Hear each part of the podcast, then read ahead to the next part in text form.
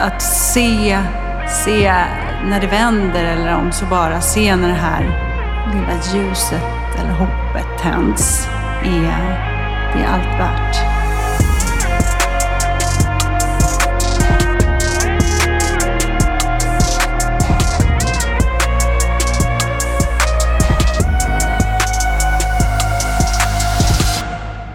Ja, det är onsdag igen och ni ska känna er varmt välkomna till podden som heter En beroendepodd. Jag heter Nemo Hedén och den här podden gör jag ihop med mina vänner och poddkollegor Robert Boman och Felix Granander från The House Rehab. Och ibland sitter jag här med Robert och Felix och då har vi lite temasamtal kring beroende och medberoende. Och ibland sitter jag här ensam med en gäst. Och idag är det det sistnämnda, men vi kommer till gästen alldeles strax. För innan det så vill jag prata lite om varför den här podden finns. Och det gör den för att det finns ett berg av fördomar, förutfattade meningar och missförstånd kring beroende. Det finns så mycket skam och skuld och det finns så mycket okunskap. Och eh, med den här podden så vill vi försöka hjälpa till med detta så gott som vi kan. Dra vårt strå till stacken helt enkelt. Och eh, ja, Det känns som att den gör någon slags skillnad där ute i alla fall och det gör oss så himla glada.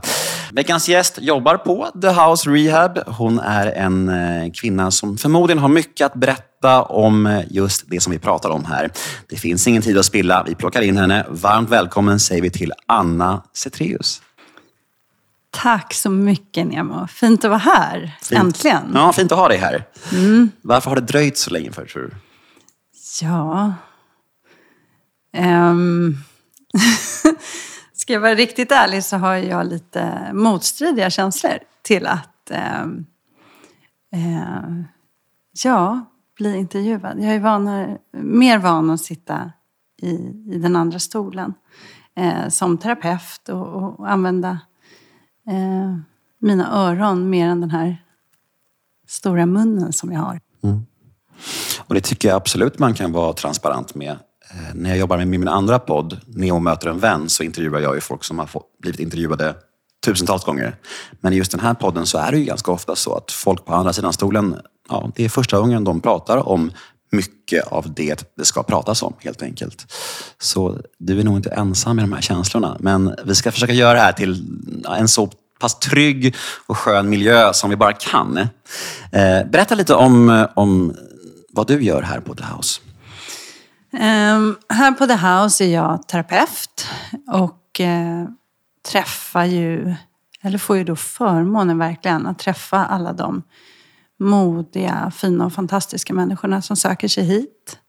Eh, framförallt så har jag individuella samtal eh, där vi jobbar tillsammans, eh, jag och klienten, genom programmet. Jag har också en hel del par och familjesamtal. Och sen så har jag våra eh, grupper, eh, gruppterapier. Vad skulle du säga att de stora skillnaderna är? Till exempel jobba enskilt eller jobba par eller jobba grupp. Vad är, vad är likheterna och vad är skillnaderna? Mm. Eh, likheterna... Ja, men det...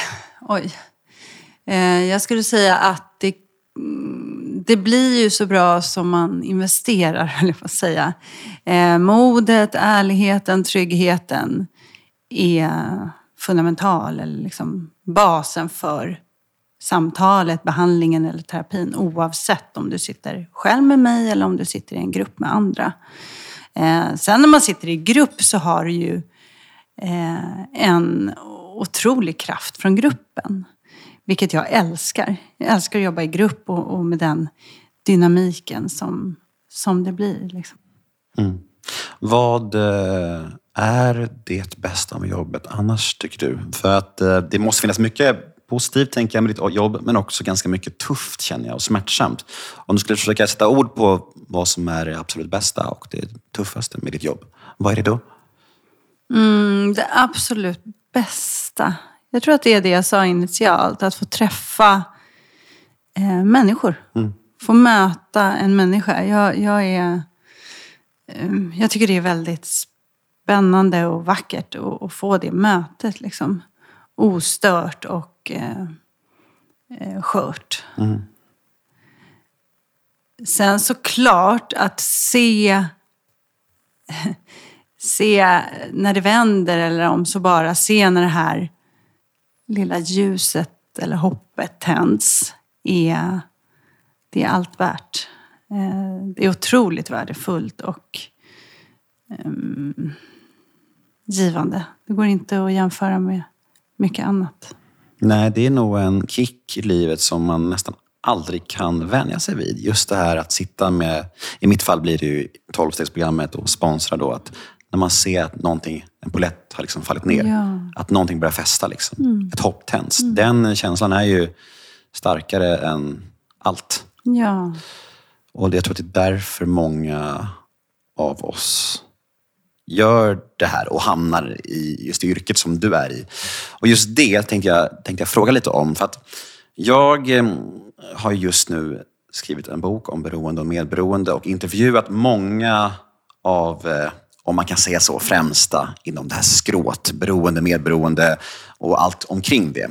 Och det är intressant för att nästan alla de här profilerna, eller vad man nu ska säga, bland annat din chef, Robert Boman, då, är ju ex-missbrukare. Alla kommer liksom från den här världen på något sätt. Och, och det slår nästan aldrig fel. Jag tror inte det var någon expert i boken som inte har ett eget missbruk i bagaget. Varför tror du att det är så? Nej, men först så tror jag absolut att det är att du har fått fatt i någonting själv som du känner har varit livsavgörande och som du vill dela med dig av. Ehm, Det tror jag är en stark drivkraft, absolut. Um, Alltså här har du hängt för dig mellan liv och död och så har du hittat liksom en lösning. Um, så jag tror det är väldigt få som vill liksom sitta hemma på kammaren och trycka på den lösningen. Utan man vill ut där och ge det vidare. Jag tror att det är någon slags mänsklig, ja, någon slags mänsklig drivkraft som, som de allra flesta har om man har varit med om en sån sak. Eh, Men är det en mänsklig drivkraft eller är det bara steg 12 som vi har fått inbankat i huvudet? Eh, ja, men det kan ju vara för vissa. Alltså, jag vet själv i början, jag har ju ett eget beroende i mitt bagage och i, i början av mitt tillfrisknande så vet jag att jag, ja, jag fasade. Ja, men sen kommer du få hjälpa andra och jag var så här, ja tack men nej tack. jag har fullt upp med mitt eget och, och jag vill inte att det ringer eh, abstinenta liksom, alkisar till mig dygnet runt. Eh, men det där kommer ju att ändra sig när jag... Eh, ja, men sen kände som jag sa, den här genuina tacksamheten.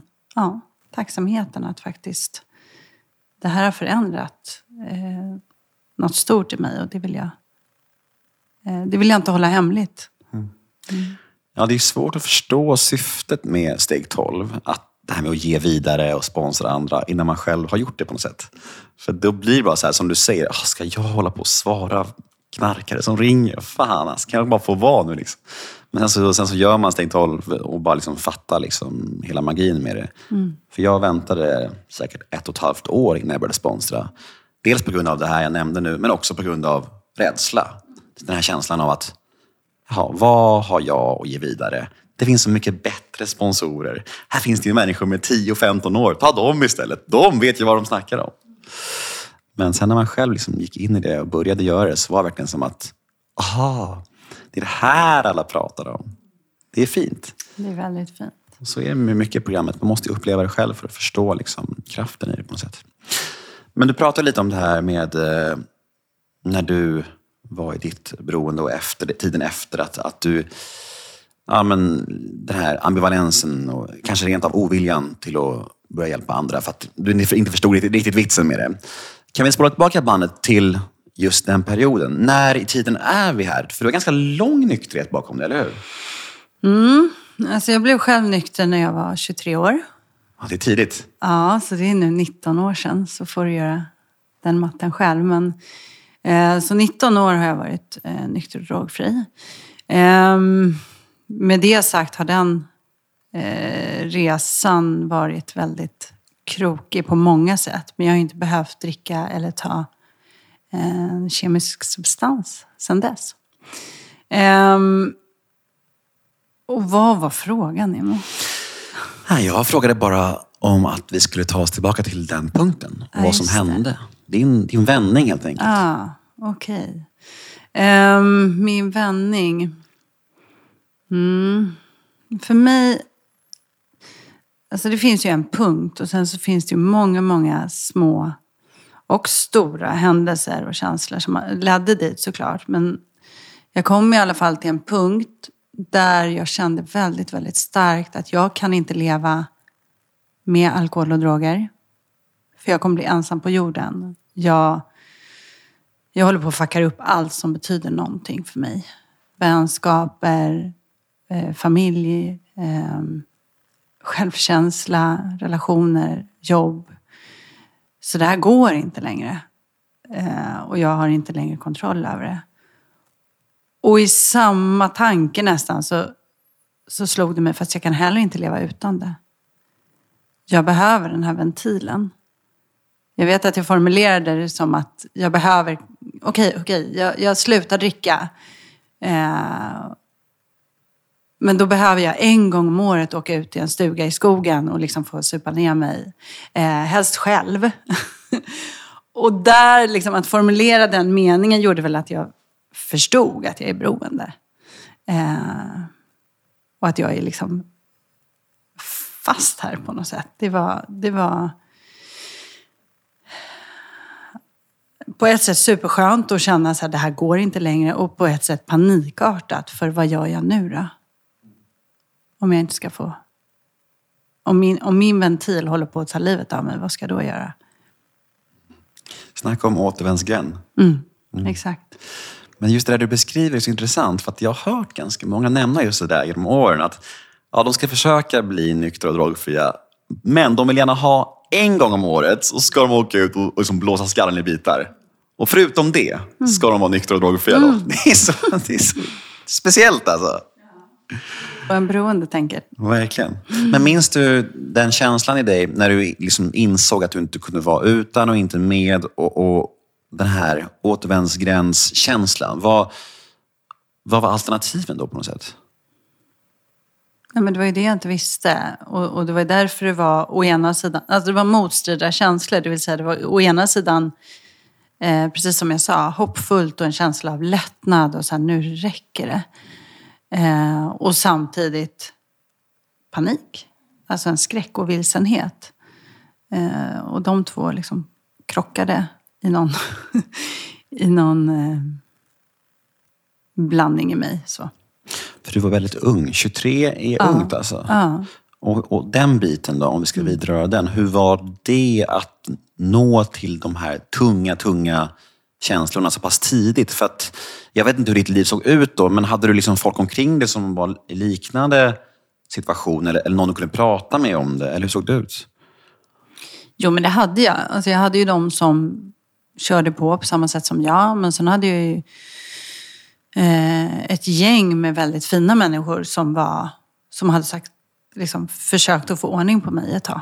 Och sagt ifrån och satt gränser. Och, ehm, så det fanns absolut människor att prata med. Men jag var ju inte... Där och då var jag inte mottaglig. Ehm, utan då var det mer, ja men titta på dig själv. liksom, eh, och eh, var man för liksom på mig, ja men då, då vänder jag mig till någon annan. Eh, men det där går ju ett tag tills det börjar bli väldigt, som jag sa, väldigt ensam.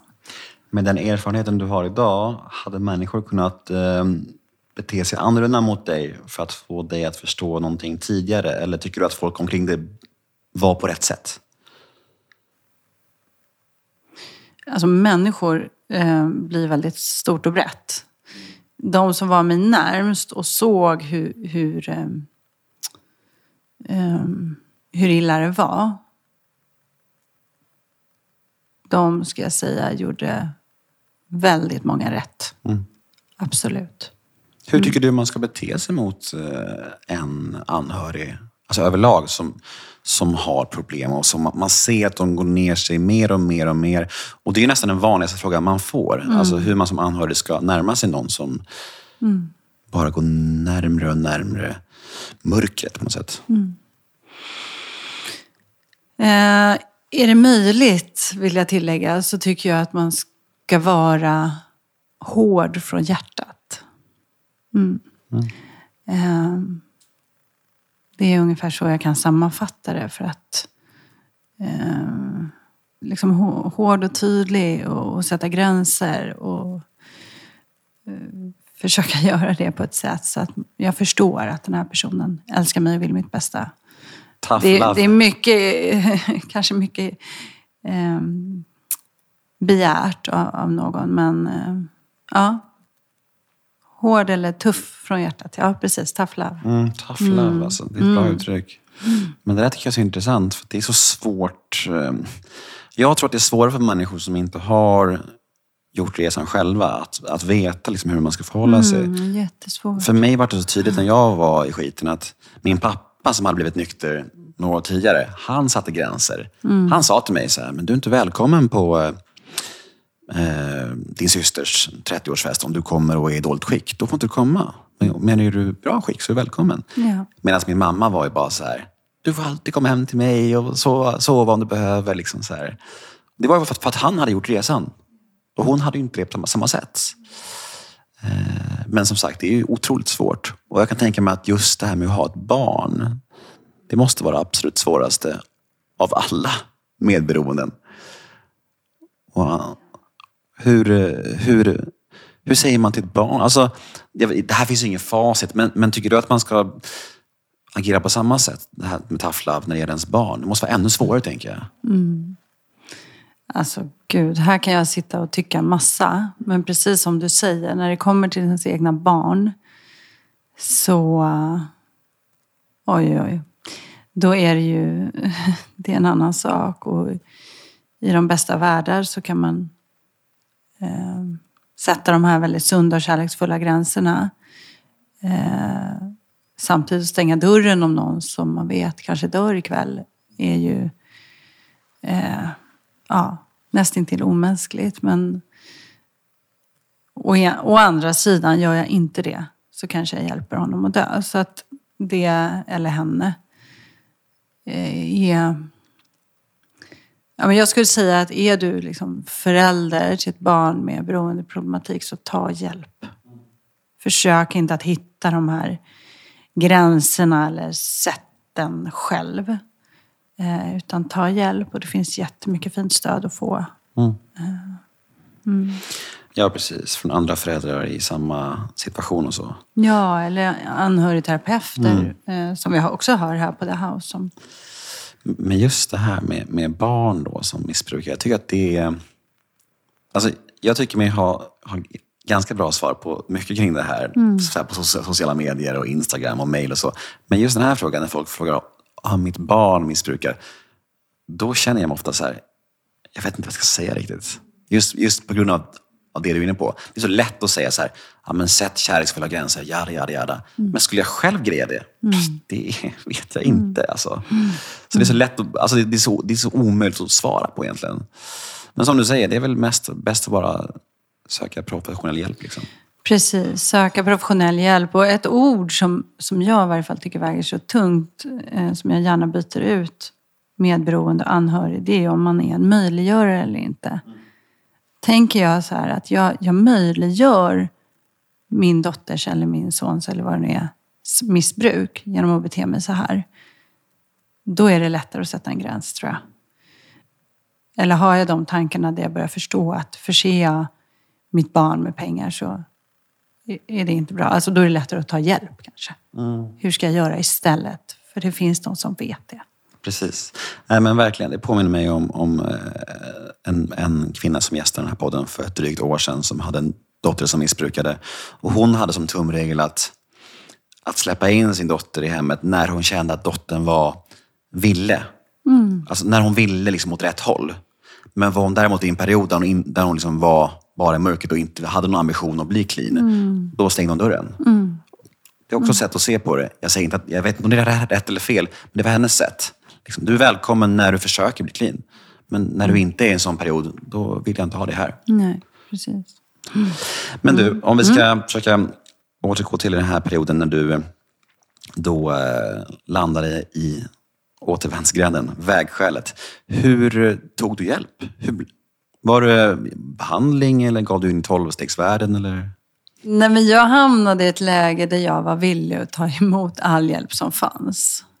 Eh, och där jag fick hjälp att vara så pass ärlig om allting som jag aldrig någonsin hade varit. För jag hade också gjort försök längs med vägen. Eh, men inte fått rätt hjälp. Och sen om det beror på att jag hamnade hos fel personer eller att jag inte var riktigt ärlig. Det, det vet jag inte och det spelar ingen roll. Men där och då så tog jag all hjälp som, som det gick att få. Mm. Men hur stor del tror du att det är? Alltså ärligheten är ju jättestor, det vet vi. Men, men just det här i, i vilken person man får hjälp av. Alltså, så här, alltså, upplever du eller att det kan liksom handla om att vissa människor kan få andra att vara ärliga eller måste ärligheten komma inifrån mig? Förstår du frågan? Absolut. Nej, det var därför jag tror jag sa det, att jag fick hjälp att vara ärlig. Mm, precis. Eh, till viss del så kunde jag ju se, alltså jag såg klart. Alltså oj, alla de här problemen, alla de här trasiga relationerna och min eh, fruktansvärda tomhet som jag känner inuti. Eh, det har mycket med eh, mitt missbruk att göra. Så där var jag ärlig mot mig själv. Samtidigt, när jag fick lyssna på andra eller när jag fick hjälp av en terapeut att sätta ord på och, och förstå sammanhang och Eh, så föddes ju ytterligare liksom dimensioner och lager av ärlighet. Så... Um... Vad var svårast, tycker du, förutom ärligheten? Vad var svårast i att göra den här livsavgörande förändringen? Det var nog så här, okej, okay, jag vill göra det här med hur ska jag göra det? Hur ska jag leva? Eh, det blev en period som var väldigt vilsen. Och det var ju svårt. Eh, att, att, att känna så här, jag vill verkligen leva på ett annat sätt. Jag vill leva nykter och drogfri. Eh, men hur ska jag göra det? Och vem är jag då? Och vilka eh, vill vara i mitt liv? Och vilka vill jag ha i mitt liv? Och sådana saker. Mm. Var det jobbigt att, att, prata med folk om, om den förändringen du försökte, försökte göra? Var det mycket skam och skuld i det? Eller var det mer stolthet i att du tog tag i det? Men där och då, alltså jag hade ingen van Nemo. Så det var inte så här, åh, ska jag säga det eller inte? Utan det var så här, här är det. Ja. Punkt. Ja. Så här ligger det till liksom. Ja, men idag har du varit nykter i 19 år, mm. sa du. Och, mm. och det är ju lång tid. Hur växte hela tankarna fram om att jobba med det här? Och eh, vart såddes det, såddes det fröet någonstans? Vi pratade om det förut lite grann, mm. det här med att man, det kommer mm. oftast naturligt att man vill, vill hålla på med det. det. Men när kom det på riktigt, tänker jag? När utbildade mm. du dig så? Eh, jag kan säga så att det vi pratade om tidigare när jag sa att jag inte ville hjälpa någon, så här, det var ju liksom sponsorskapet och det är för mig något annat. Mm. När det kommer till min utbildning, min liksom profession och min yrkesroll så kan jag säga att ja, det fröet såddes nog alltså för länge, länge, länge sedan. Alltså jag vet att när jag gick i skolan så tänkte jag att jag ska jobba som psykolog när jag blir stor. Sådär. Vilket också har sina förklaringar kanske. Då. Men eh, det får bli en annan podd. Men hur som helst så har jag alltid haft någon... Alltså jag har alltid varit intresserad av människor. Jag har alltid varit intresserad av eh, utveckling och liksom, psykologi. Och, och, så det har funnits med länge. Däremot när jag sen själv blev nykter och började tillfriskna så kände jag tvärtom. Jag har för mycket med mig själv. Jag ska absolut inte jobba som terapeut eller något. Alltså, nej, det lockade inte mig då. Utan jag vill jobba med något helt annat. Med kläder och mode eller ja, no någonting annat. Um, det hör också till saken att jag såg många eh, ja, nyktra då, alkoholister och narkomaner som drogs till det här yrket eh, och som tappade bort sig själva. Började alltså bara att hjälpa andra och glömde bort sitt eget tillfrisknande och faktiskt återföll. Vilket också gjorde att jag tog ett steg ännu längre ifrån och tänkte att det där, det är inte värt att riskera. Um, så det var ju inte förrän jag var ja, nästan tio år i tillfrisknande som jag så här, nej men jag kan inte komma ifrån det här liksom ändå inre kallet som jag har. Att, och jag var väldigt nyfiken på att få utbilda mig, att ta eh, det till en mer ja, professionell nivå och liksom lära mig mer och vetenskapligt få eh, en grund att stå på. Jag var jättenyfiken. Jag har aldrig varit speciellt nyfiken i skolan. Men nu kände jag så här, wow, tänk att få sitta och läsa och lära och liksom kring det här. Det är ju en dröm. Liksom. Och så körde jag igång eh, med utbildningen. Och satt liksom längst fram i, i skolsalen och räckte upp handen och hade högsta betyg och högst närvaro. Nej, inte riktigt så, men eh, väldigt rolig studietid och eh, ett engagemang som kom rakt sprunget ur hjärtat. Liksom. Mm. Eh, men lovade också mig själv att det viktigaste först. Liksom, och det är såklart mitt, mitt tillfrisknande, mitt liv, min familj. Ja, men för det där är intressant. Det, där du pratar ja. om tycker jag. Det, här, det kan ju dröja lite vid. Det här med att du hade upptäckt, du hade känt av att folk som går den här vägen glömmer bort sig själva. Mm. Det är ju någonting som vi inte har snackat om så mycket i den här podden som jag tycker är intressant. För det känns som att det kan man nästan, det kan till och med jag känna bort när jag sponsrar andra. Att jag, att jag, att jag ibland här, ger, ger ut någonting som jag själv inte gör just nu. Mm. Alltså det inte känns Exakt. genuint och rent nästan. Eh, att man kanske, och ibland i perioder kan jag känna så ja, men jag gör så mycket andra, andra grejer för andra människor med poddar och föreläsningar och böcker. Så här. Men sen så kommer jag alltid, alltid verkligheten ikapp förr eller senare, för oss som har den här sjukdomen. Mm. Och oftast får vi liksom känna det the hard way, som man säger så. Det är, jag tänkte säga fascinerande, mest deprimerande egentligen. Det finns ju någonting otroligt befriande i att så här, vi är bara människor. Ja, oavsett om jag möter en vän eller en klient så möter jag en människa och den här personen möter också en människa. Det är ingen av oss som är fulländad eller lever hundraprocentigt som man lär. Liksom. Eh, det är inte heller riktigt terapeutens roll, tänker jag. Utan terapeutens roll är ju snarare att liksom skapa en glänta för någon annan att kliva fram. Inte att vara liksom en förebild eller eh, absolut att vara en trygg eh, person jag tänker så här, att min uppgift som terapeut är att få dig som klient att, att träda fram. Liksom punkt. Mm. Och då behöver det nödvändigtvis inte handla om att jag, hur jag lever eller hur det ser ut för mig och så. Däremot, så absolut, så, som i alla yrken. Alltså går jag till en frisör som ser för jävligt ut i hår, jag vet inte, om jag är jättesugen på att sätta ny färg då. Eller för den delen om jag går till en, eh, ja vad ska jag säga, parterapeut som bara lever något så här, jag har varit gift i 25 år, vi har tre barn och vi har aldrig bråkat. Nähä, okej. Okay. Eh, men, men vet jag att liksom hon har levt eller hon har varit hon har utmaningar med, med det där barnet eller hon har gift om sig eller så här, då, då väger det tyngre. Då får jag ett liksom, Eh, jag får det, ett större förtroende. Mm. Mm. Ja, men det känns ändå rimligt. Men just angående din yrkesroll då. Mm. Tycker du att det är svårt att, att, att inte bli personlig själv med dina klienter? Att, att liksom...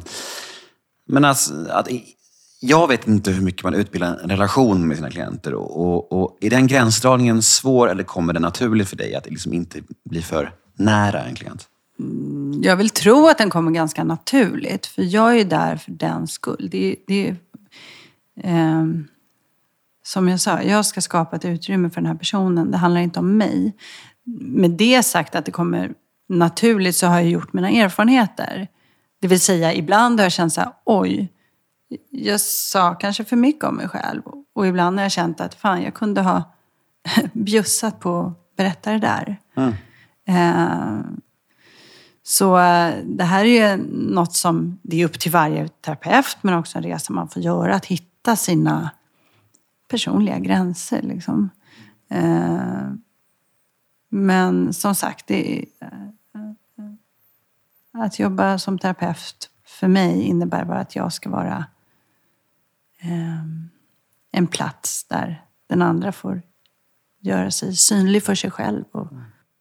Men den här gränsdragningen som du pratar om, då, har den också att göra med att eh, du ändå arbetar med någonting där folk faktiskt återfaller och i värsta fall också kan dö?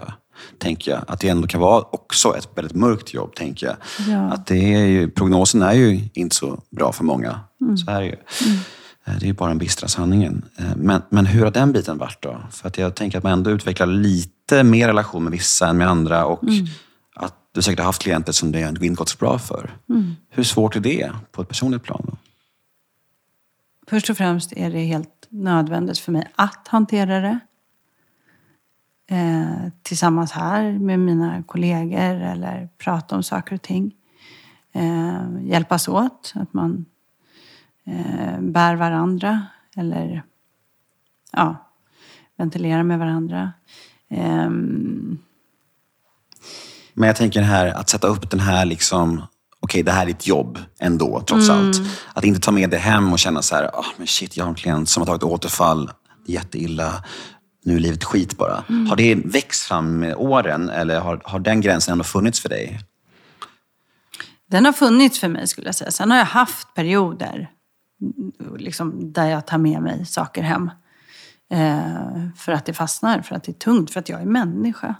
Eh, och jag har haft stunder också där jag har gått in på liksom en, en, eller, ja, till en kollega och lagt mig på hennes soffa och gråtit. Och känt att jag hatar den här jävla sjukdomen. Så den är hemsk. Jag önskar att den inte fanns. Ungefär så.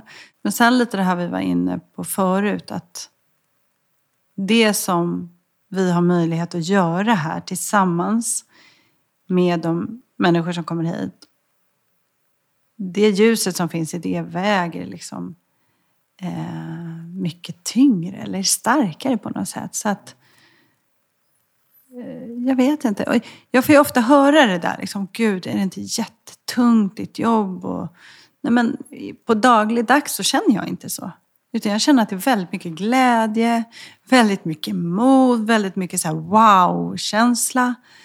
Och en fantastisk gåva att få, få vara med om de här eh, ja, resorna som, som människor gör som faktiskt kommer hit. Nej, jag frågar ju dig den här frågan för att jag tror att lyssnarna kan vara ny- nyfikna på dem. Men jag, ditt svar vet jag ju om innan. För att jag känner ju likadant med hur jag tänker kring podden och sociala medier. För att jag får samma fråga. Det här med, är det inte tungt? Är det inte stressigt att svara alla som hör av sig? Och jada, jada, jada. Det är klart att det är tungt och stressigt.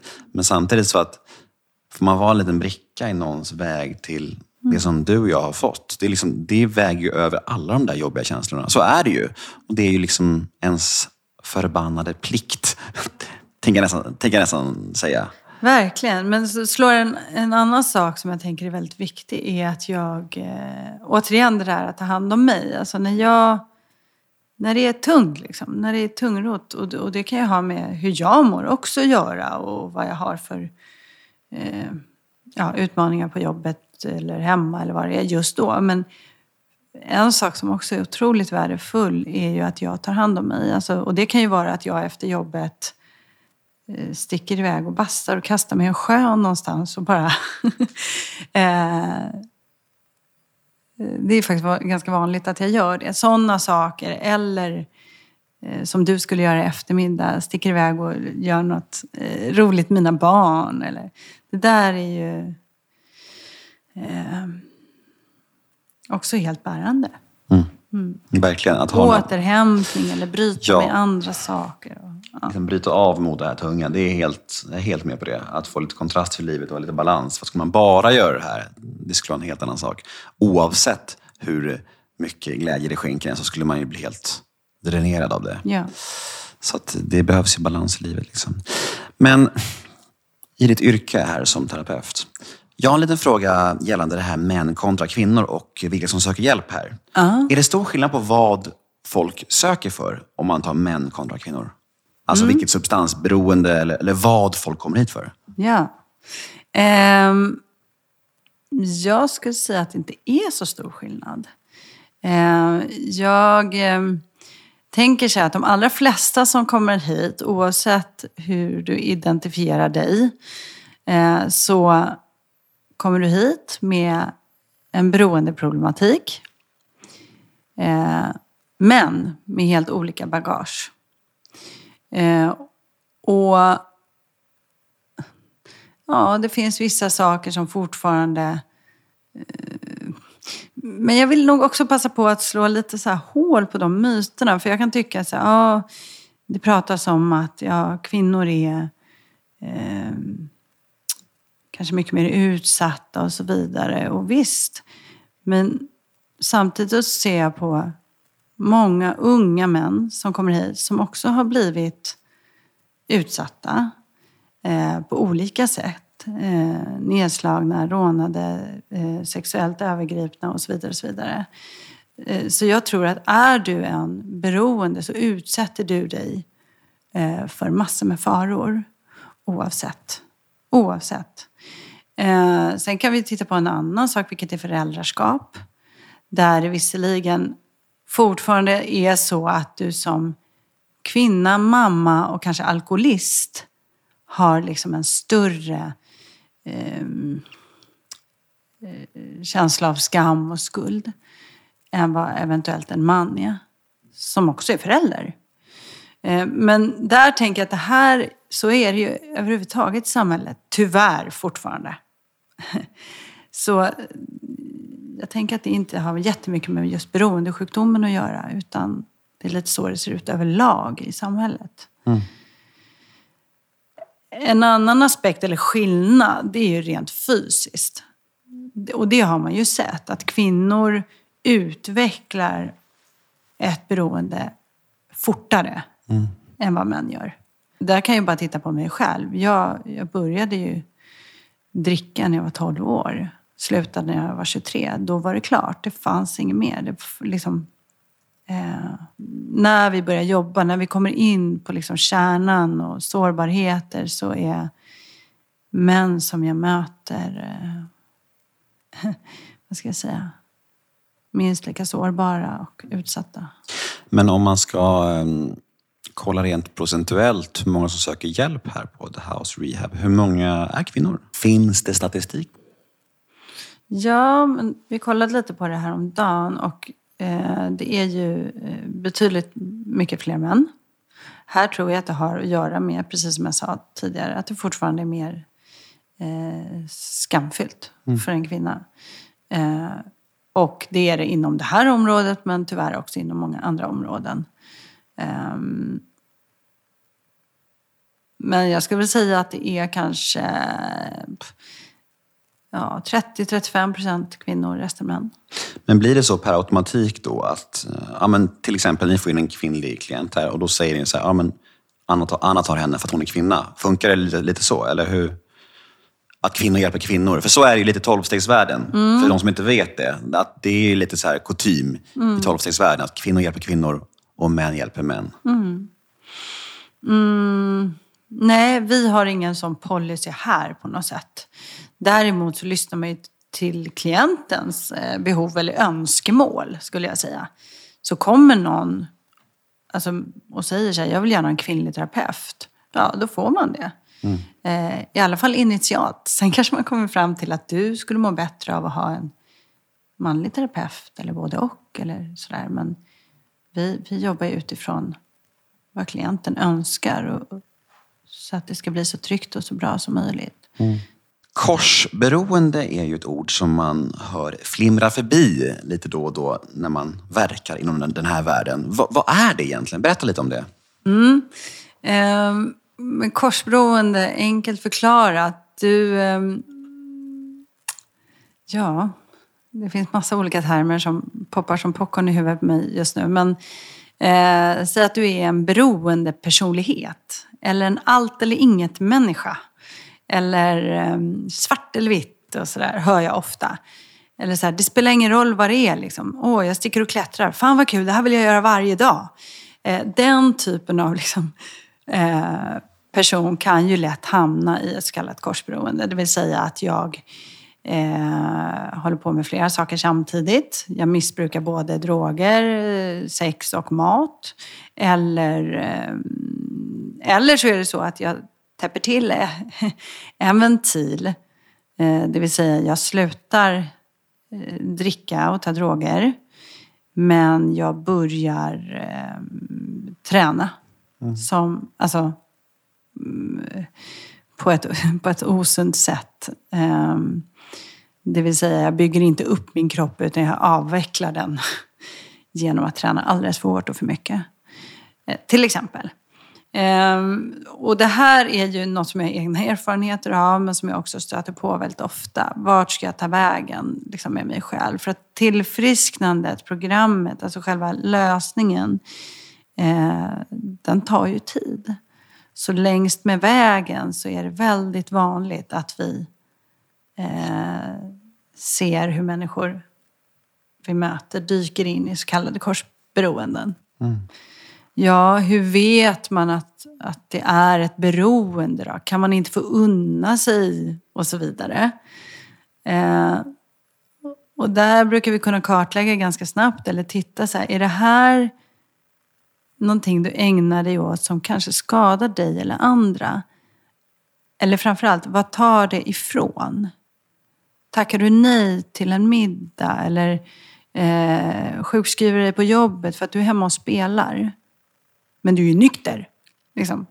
Så att där får vi börja liksom hjälpas åt och vara ärliga och synliggöra så här. Okay. Eh, nej, men det skadar inte mig. Liksom. Jag är ju nykter, jag kan, jag kan göra det här och det här. Ja, men nu har du sjukskrivit dig liksom ganska mycket. Eller nu, du orkar ju inte upp. Eller du slarvar med hygien eller maten. Det kanske börjar bli ett, ett problem. Mm. Ja. Eh, det fina med det är att är du inne i processen av tillfrisknande och påbörjat din behandling så kan vi ganska snabbt plocka upp de här sakerna och komma till, så att säga, roten, kärnan. Varför gör jag så här? Varför har jag ett behov av att, att fly min verklighet? Mm. Ja. Det är intressant det du pratar om, för att jag kan relatera mycket till det här, eh, såklart. Chock, chock. Nej, men just det här med att när jag själv var nynykter mm. så eh, åt jag glassbåtar maniskt i flera månader. Ja. Flera glassbåtar om dagen och gick upp massa i vikt. Men jag säger inte att det var rätt, men det var liksom något jag behövde just då för att ta mig igenom den första kritiska perioden. Och eh, Vi människor pratar ju ofta om balans. Mm. Att, att, att, att liksom, vi ska inte fly in i saker, vi ska hitta en balans. Men jag börjar mer och mer känna att jag kanske inte är en människa som kan ha den här balansen som jag gärna önskar att jag kunde. Mm. Alltså, jag sätter förväntningar på mig själv att ha lagom mycket träning, mm. lagom mycket godis, lagom mycket av allting. Jag kan ju inte det. Jag har mm. försökt så många, så många gånger att, att uh, sätta upp något sån, sån här, ja men nu ska jag köra paddel två gånger i veckan. Jag ska äta lite godis varje kväll. Och så här. Men för mig funkar inte det så, så bra. Då blir jag så här, ja, men ska jag fortsätta försöka ha regler och misslyckas och börja slå på mig själv så min självkänsla blir sämre och sämre? Eller ska jag bara liksom så här, ja, face facts, att jag kanske inte är en person som kan ha den här balansen jag drömmer om. Jag är ändå nykter och drogfri från liksom det som höll på att förstöra, döda mitt liv helt. Mm. Så jag kanske bara liksom så här, förlika mig med att jag kommer vara en person som kanske har lite, är lite knäpp på, på olika sätt. Men samtidigt, ja, det är bättre att hamna i svullperioder med godis och köra för mycket paddel än att eh, supa, knarka och ligga med alla tjejer jag träffar. Här, jag tänker så här, olika grader i helvetet. Liksom Exakt, ja. Och det jag hör nu, Nemo, det är ju jättefint. Det tycker jag är tillfrisknande. Att, att du... Eh, eh, ja, jag sätter ordet självomsorg på det, eller så här, egenvärde. Att du så här, accepterar det. Ja, jag kanske är det här. Och när du säger det så har du en väldigt kärleksfull och tillåtande ton, tycker jag. Och det, det är jättefint att höra. Och då eh, Jag menar så här, det är ju inte så att alla vi som tillfrisknar blir nyktra och drogfria ska bli några så här eh, balans... Eh, Nej, tvärtom. Vi ska ju utveckla de vi är med alla våra tokigheter och härligheter och, och sådär. Det, jag, det jag försökte benämna är att vi behöver där, samtidigt liksom vara uppmärksamma på, börjar det här skada mig eller mina relationer? Eh, är jag liksom aldrig hemma, för jag är ute och, och liksom klättrar på Kebnekaise, ja då skiter fullständigt mina barn i om jag är ute och klättrar eller om jag är ute och super. För jag är inte där. Är du med? Så absolut grader i helvetet. Men just den där måttstocken kan man ha och också ta hjälp eh, utifrån att se att så här, vänta nu, är det här eh, någonting som jag behöver leva ut för det är en del av mig? Eller skadar det Precis. mig? Det är inte så att jag äter godis så att jag liksom får en stroke eller, eller, eller att jag spelar paddel så jag missar mina barns hämtning. Det, så är det ju inte. Det är mest bara att jag, man ibland kanske gör sånt här fastän man har sagt men nu kanske inte jag... Du vet, man, man kanske har en vision om att vara sockerfri ett tag och så lyckas man inte med det. Och, så här. och Då brukar jag försöka vara så här, men vad fan, det är ändå liksom också helt okej. liksom så här. Ja. För ingen annan tar skada av det och det är inte hela världen. Men den där balansgången som vi är mitt i här, det är ju svårt. Och, och typ en livslång process kan jag känna ibland. Eh, För att jag, för att jag liksom har hamnat i perioder där jag känner att jag vill ha den här balansen. Men den är, jag, jag tror inte den är för mig. Liksom. Och jag, ja, jag vet inte. Hur du? Har du balans, känner du, i livet? Ibland, ibland inte. Ehm, nej men precis som du säger, när jag är ur balans så försöker jag väl också på något sätt att acceptera det. Det är en del i min process. Alltså man har ju också olika utmaningar, men för mig handlar det mycket om att faktiskt kanske sätta mig ur balans. Eller ur balans, men... ehm, mm, ja, tillåta mig att det blir för mycket ibland, för lite ibland. Eh, sådär. Och sen så känner jag alltså, efter några år i nykterhet och tillfrisknande att man kan känna liksom, ändå när man kanske inte är helt i balans. Man har sina små varningssignaler. Jag till exempel när jag börjar scrolla efter resor eller, eller gå in på Tinder eller vad jag nu gör så känner jag så här, ja, men vänta det här kanske inte en Nemo i balans ska göra eller brukar göra. Och till och med när jag inte upptäcker det själv så har man folk i sin närhet som kan påpeka det på ett kärleksfullt sätt. Precis vad jag skulle säga. Det är där vi är människor och människor behöver varandra. Vi är flockdjur. Oavsett om det är en terapeut eller någon, någon du har i, i din närhet så, så, eh, så upptäcker man det här, eller åt varandra. Vart är du på väg? Hallå?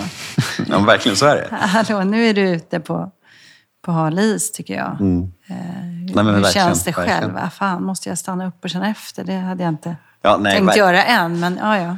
Nej, jag säger verkligen inte att jag, att jag kan känna det varje gång. Det är någon, nå- någon gång kan jag känna så här, men du ska inte vara på Tinder Nemo, eller vad det nu är. Men ofta är det ju så att, att efter ett samtal med en god vän, oftast i programmet eller liknande, som kanske kan känna så här, men hur går det med mötesgåendet? Eller hur går det med eh, sömnen? Eller har du mycket nu? Eller sådana här saker. Precis. Då är det så att ah, det kanske är så. Liksom. Ja. Och det är fint Ja. att man bygger upp sig ett sånt nätverk.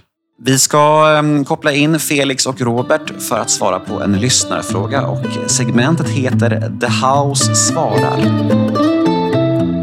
Ja, vi är framme vid en lyssnarfråga och eh, till min hjälp har jag Robert och Felix. Välkomna tillbaka till studion grabbar. Hur mår ni?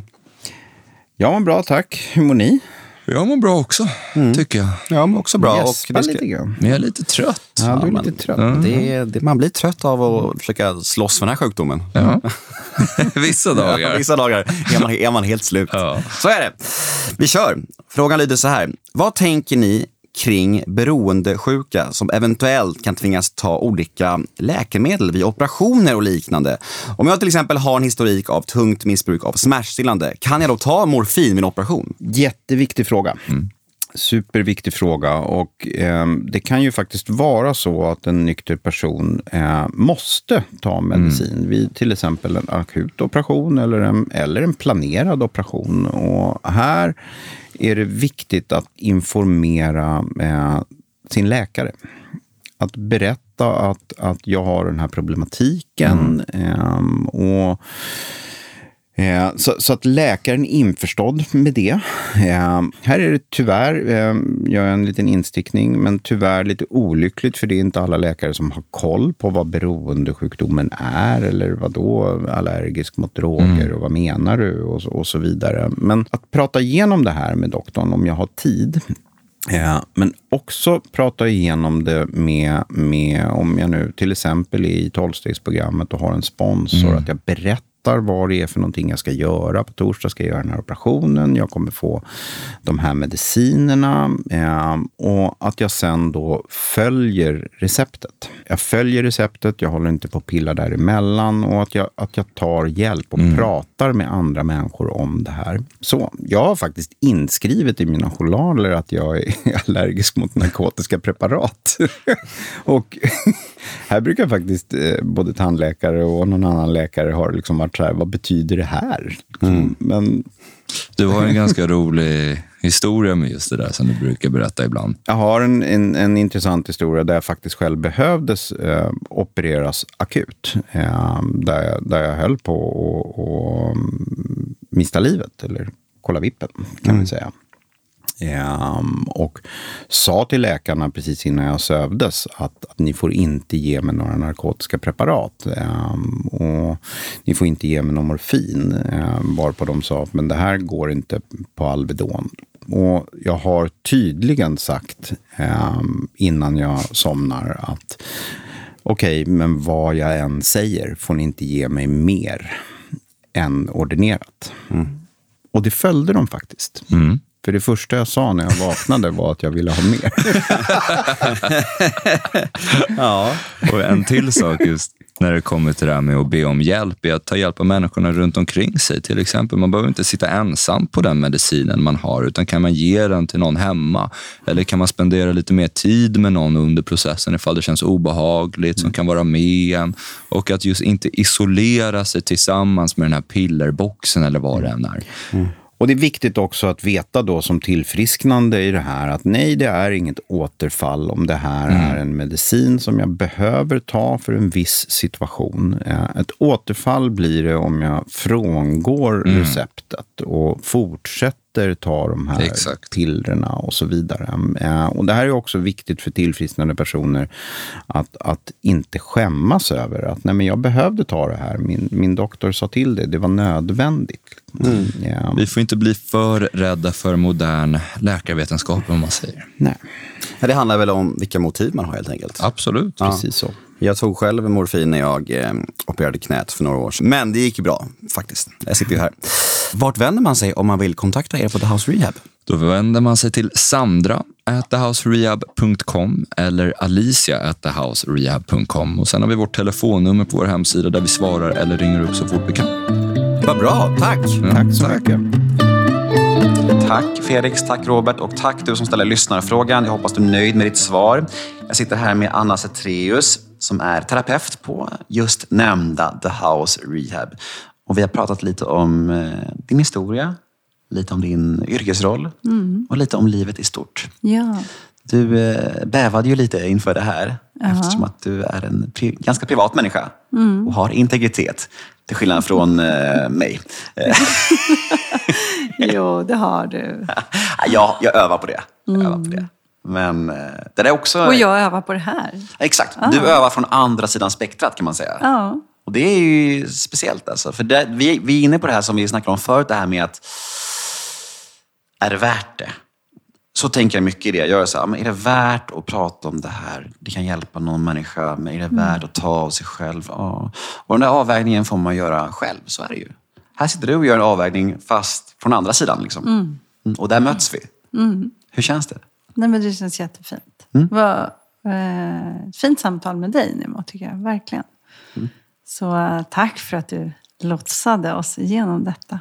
Ja, men eh, tack själv för att du kom förbi. Och, eh, ja, till er som eh, behöver hjälp så eh, kan ni alltid gå in på The House eh, hemsida eller skriva till oss på Instagram så tar vi er hand och går på ett tolvstegsmöte. Det finns mycket hjälp att få där ute. Och eh, ja, jag vill säga tack till dig Anna för att du kom förbi. Ja, tack själv. Och så hörs vi igen nästa onsdag, kära vänner. Var rädda om er. Puss och kram. Hej då.